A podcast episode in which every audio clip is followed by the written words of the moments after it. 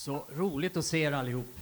Och eh, vi, vi blev så otroligt fint välkomnade igår. Vi, vi, flyttade, vi flyttade hit då eh, med flyttlass, litet flyttlass och hade hjälp att bära in och och eh, vi hade en fantastisk stund i, i lägenheten med, med bön och eh, vi upplevde hur, hur Gud var där. Eh, jag, jag vill inspirera eh, inför den här kommande böneperioden. Den startar ju idag. Idag är det tacksägelsedag. Vi får tacka för allt Gud har gjort. Och eh, det är fantastiskt att se vad bön kan betyda på olika sätt. Jag vet inte om ni har hört den här lilla berättelsen om kvinnan som eh, hennes barn hade blivit sjukt och hon, hon eh, var tvungen att köra och hämta medicin på apoteket så hon körde iväg med sin bil kom till stora parkeringen, in på apoteket. och hon hade så bråttom så att eh, det som hade hänt upptäckte hon när hon kom ut från apoteket. Det var att hon hade slängt igen bildörren och eh, eh nycklarna var i bilen. Så hon kom ut till bilen och så upptäcker hon där, eh, hon försöker ta sig in men det går inte. Och så upptäcker hon att det ligger någon, någon liten järnbit där. Såg ut som någon hade försökt tidigare ta sig in i någon bil. Så hon tänkte, hur gör jag med den? Så hon började eh, fippla och så upptäckte hon, jag kan inte det här. Så hon bad. Gud, skicka hjälp. Och hon hann knappt be färdigt så kom det en motorcykel glidande upp och en kille med utrustning och, och lite ruggigt utseende. Han, han kom fram och så säger han, vill du ha hjälp? Ja, säger jag kommer inte in i bilen. Det fixar jag, säger han. Så på en kort stund så då fick han upp bildörren. Och hon sa, tack Gud, och tack att du kom. Fantastiskt, du måste vara en, en, en god man som kom just nu. Nej, säger han. Jag har precis kommit ut ur fängelset. Jag har suttit där för bilstöld. Då säger den kvinnan, Åh, tack Gud, du skickade mig ett proffs.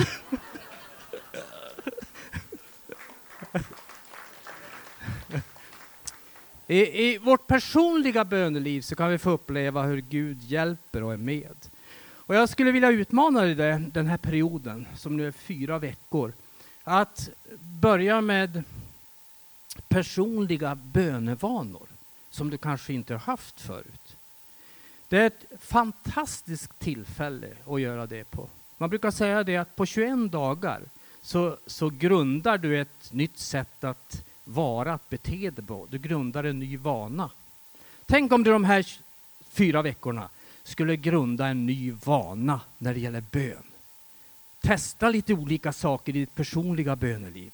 Be, be för de du har runt omkring dig. Ta en liten bönepromenad i området där du bor och, och så ber du för grannarna, den grannen, den grannen, den grannen. Eller gå ner på stan. Det är 50 restauranger här som är öppna ungefär.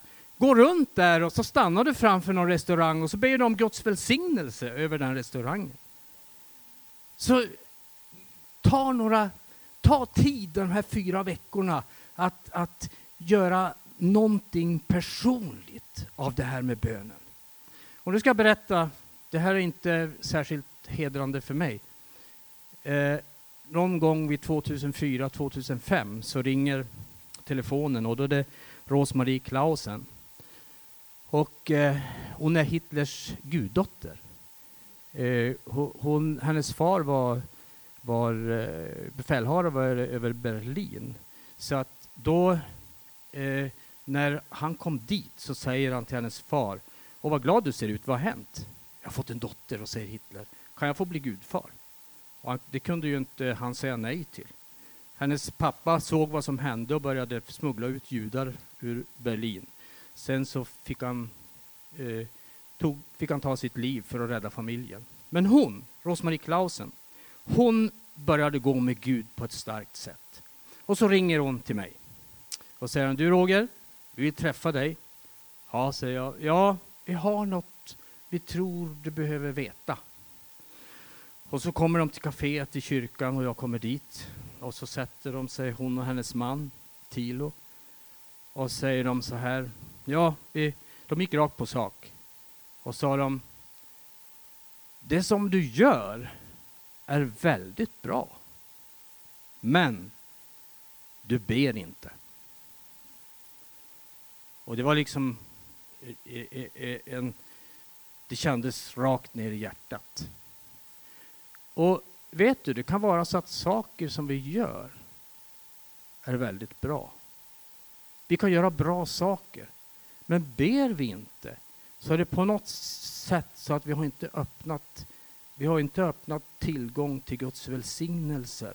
Vi har inte öppnat upp för Gud att kunna flöda i, i där vi är och där vi finns.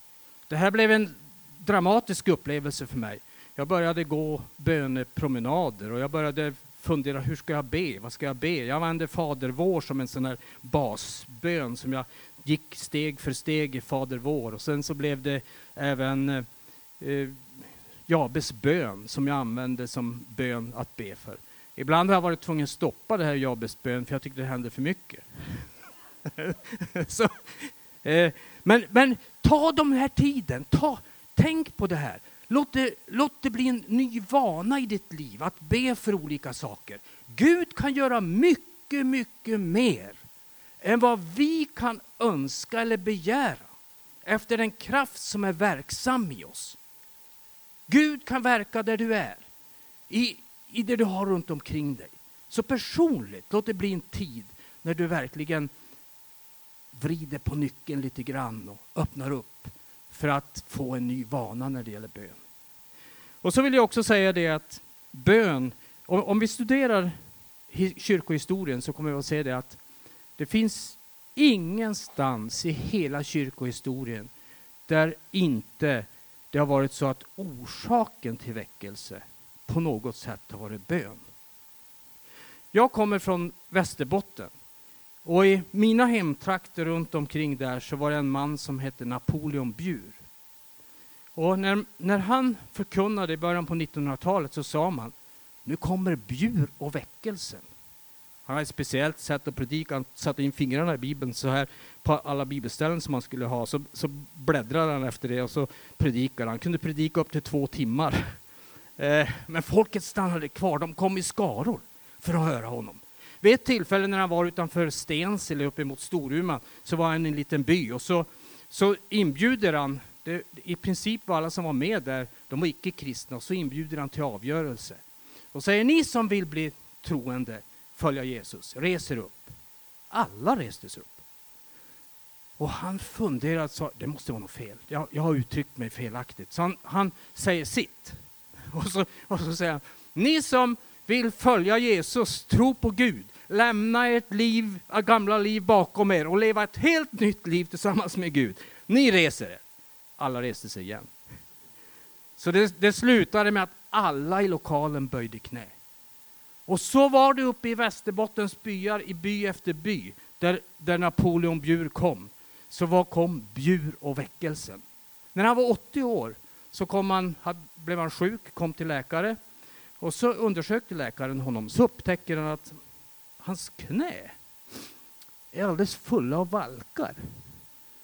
Och då säger läkaren, vad har du gjort? Ja, säger Napoleon, jag har bett. Och då säger läkaren, men hur mycket har du bett? Då säger Napoleon, det är nog mer än halva mitt liv. Det var hans hemlighet. Han bad om väckelse, han bad att Gud skulle gripa in. Han bad att det skulle komma besökelsetider över Västerbotten. Och du har de här bygderna, det finns bygder där det är bevisat att det kunde vara upp till 80 procent av befolkningen som hade blivit kristna. Inte kanske just på, han, för, på grund av honom då, men det blev som en rörelse i hela Västerbotten. Gud kan komma med väckelse vart som helst om vi ber. 1949 så gick kyrkorna på Hebriderna. Det var så dålig situation, så det som var något slags frikyrkoråd. Man skrev en skrivelse till alla kyrkor och så sa man det att det är så dåligt här så nu måste vi fundera på vad vi ska göra. Det, finns, det kommer knappt folk på mötena. Ingenting händer. Vad ska vi göra? Två kvinnor i byn Barvas på Hebriderna. De läste det här. En var 80, en var 82, en var blind. Och så sa de, vi måste börja be. Så två nätter i veckan, från 10 till 2, så kom de här två systrarna tillsammans. Och en natt så får en av dem se en syn. Hon får se att kyrkan är fullkomligt full av ungdomar. Så hon säger till sin syrra, du, jag tror att det kommer en väckelse. Och säger, åh, vi fortsätter. Och så talar de om det för sin pastor. Han säger, ja, det här är nog från Gud, vad ska vi göra? Ja, säger de, vi ber här på vår sida om hebriderna. Ni ber, då var kyrkan på en annan sida. Ni ber på den andra sidan. Samla dina diakoner, samla de som är, och så ber ni samtidigt som vi ber på vår sida. Så då började de be växelvis här på, och tillsammans på de här båda sidorna av hebriderna. De höll på i tre, fyra månader. Sen var det någon som sa, vi ska kalla Duncan Campbell som kommer och förkunnar. De skickade ett brev, han sa jag är upptagen. Så skickade de något meddelande igen, så då kom han.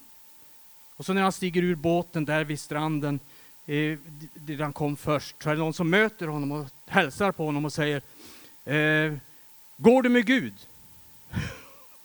säger Duncan, ja jag fruktar i alla fall Gud, säger han. Han visste inte var det här skulle ta vägen. Första kvällen när han kommer till kyrkan så är det fullproppat i kyrkan. Och det, det, det, var, det var en stämning så att man höll på i flera timmar. Guds ande kom på ett särskilt sätt. Men det var inte då det liksom bröt loss. Veckan efter när de hade gudstjänst, då var det fullpackat.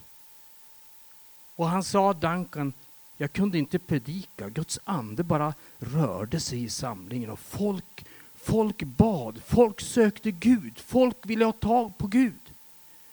Till slut när de hade hållit på några timmar så säger Danka, nu ber jag välsignelsen och så slutar vi. Då kommer en diakon rusande och säger, du, det är folk här bakom. Då går han ut i, i bakdörren. Då är det 600 personer bakom kyrkan.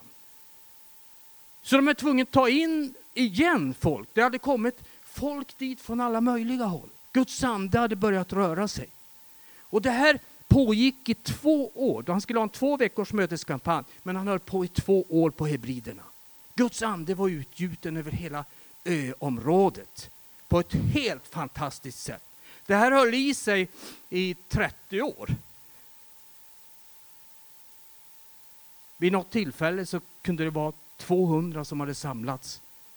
Ingen hade talat om att de skulle dit. Och så blev det ett möte. Danken fick vid något tillfälle, de sa kom dit, kom dit. Och när han kommer dit så är det folk där. Polisstationer, någon kom till polisstationen, en grupp kom till polisstationen för de visste att polisen där var kristen. Så de ville, han måste be för oss. Hela övärlden förändrades. Det här kan hända, det kan hända här. Det kan hända hos oss. Men jag tror att en av förutsättningarna, det är att här, Olle Hallesby han talar upp något som han säger är bönens arbete. Bönens arbete.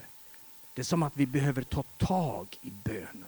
Vi behöver be. Vi behöver be att Gud griper in, att Gud gör någonting. Och vi behöver ta tid till det. Och nu har vi fyra veckor. Varje morgon klockan åtta så dyker det upp ett bönämne. Ta det med dig. Be om det. Ta en liten promenad, ta med dig bönämnet och be om det. Eller vad du finner lämpligast. John Wesleys eh, eh, mamma var det väl. Hon gick in på toaletten och drog något skynke över sig sådär. För att hon skulle få vara ensam. Det spelar ingen roll vad vi är. Men att vi, vi, vi, vi ber. Vi ber att Gud gör någonting. Och att han gör någonting i den här staden. Vi kan få vara med om det tillsammans. Hur Gud börjar verka. Så jag vill uppmuntra dig till det. Be om väckelse i den här staden. Be att Gud ska möta människor. Be att vi får uppleva en besökelsetid när, precis som på Hebriderna, vi bara får se att Gud är i rörelse. Att Gud verkar. Tack Herre för att du vill hjälpa oss att vi får, vi får vara bedjare som öppnar upp kanalen till till himlen. Att vi får vara bedjare som sträcker oss mot dig. Och där vi får genom bönen öppna upp att dina välsignelser, din, eh, din väckelse, ånger över synd, där, där vi får uppleva hur, hur du kommer på ett alldeles speciellt sätt ibland oss, Herre. Låt de här fyra veckorna som vi nu har som bönetid, låt det få bli en tid när du, där du tar tag i oss personligt, när det gäller våra vanor, vad vi gör och hur vi fungerar, när det gäller bönen. Låt oss få nya bönevanor, Herre. Hjälp oss Herre att vi, får, att vi tar till oss där att du kan göra under som svar på bön. Och du kan verka Herre. Vi ber dig Herre att du möter oss var och en. Men att du också möter oss som församling. Att du låter oss få uppleva en tid när du kommer med din ande, bönens ande. Låt bönens ande komma ibland oss på ett verksamt sätt under den här perioden. Och jag tackar dig också den här första dagen för dina välsignelser. Tack Herre för att du har välsignat oss med frälsningens gåva. Du har välsignat oss med den helige Ande, Hjälparen, den helige Ande. Du har välsignat oss med den, all den himmelska världens andliga välsignelser. Och hjälp oss att våra ögon ser det. Upplys våra ögon så att vi ser de välsignelser du har gett oss. I Jesu namn. Amen.